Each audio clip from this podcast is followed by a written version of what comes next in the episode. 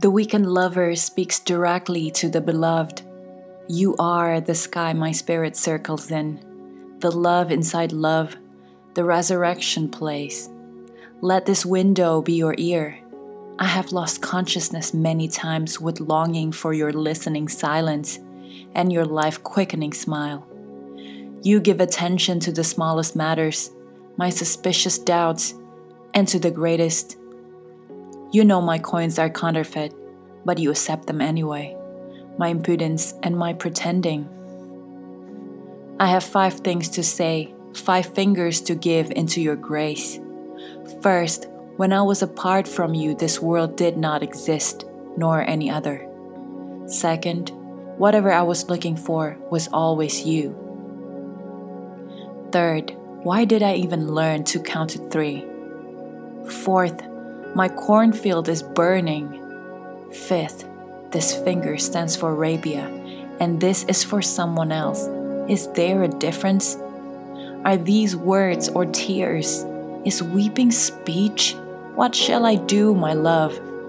So he speaks, and everyone around begins to cry with him, loving crazily, moaning in the spreading union of lovers and beloved. This is the true religion. All others are thrown away bandages beside it.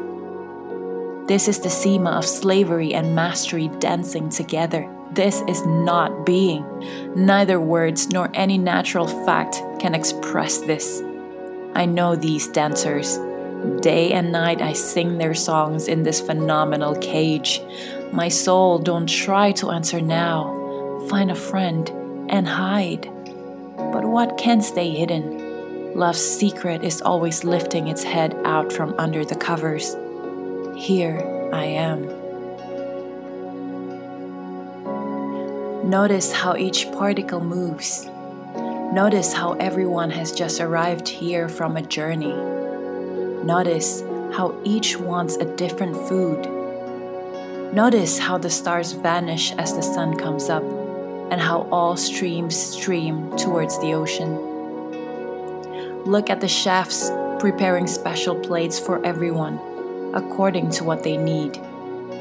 Look at this cup that can hold the ocean. Look at those who see the face look through Shams' eyes into the water that is entirely jewels.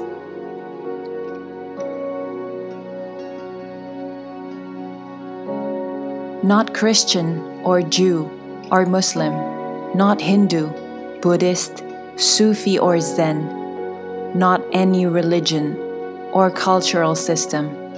I am not from the East or the West, not out of the ocean or up from the ground not natural or eternal, not composed of elements at all. I do not exist, am not an entity in this world or the next, did not descend from Adam and Eve or any origin story. My place is placeless, a trace of the traceless, neither body or soul.